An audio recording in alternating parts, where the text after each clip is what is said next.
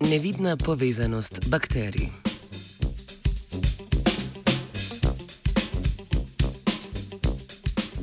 Raziskovalci z biotehnične fakultete, medicinske fakultete in fakultete za matematiko in fiziko Univerze v Ljubljani poročajo o odkritju mehanskih povezav med bakterijami v redkih bakterijskih suspenzijah. Odkritje, ki spreminja splošno sprejeto razumevanje bakterijskega sodelovanja, so objavili v reviji Nature Communications.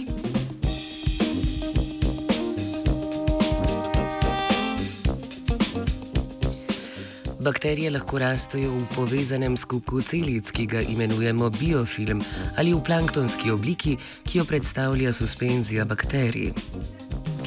Planktonske bakterije po definiciji niso pritrjene na podlage, podlago in niso povezane med seboj, ter se tako gibljajo neodvisno druga od druge.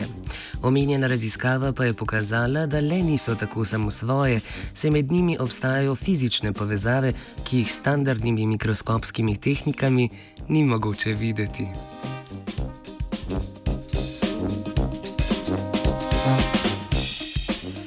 Z uporabo optične pincete so raziskovalci pri različnih bakterijskih vrstah opazili, da celice sledijo gibanju optično ujete bakterije, čeprav niso v njeni neposrednji bližini. To kaže na obstoj nevidnih povezav med bakterijami, ki v suspenziji celic tvorijo elastično mrežo. Za tvorbo povezav so odgovorni zunajcelični polimeri, ki jih celice izločajo ali pa se sprostijo ob celičnem razkroju. Rezultati tako kažejo, da so bakterije sposobne ustvariti dobro povezane mikrobne strukture tudi v razrečenih suspenzijah.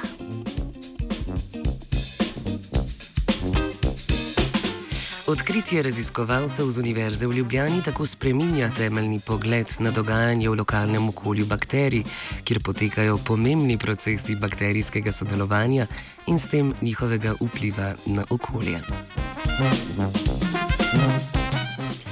Predstava o bakterijah se je porušila in na novo povezala tudi Katarini.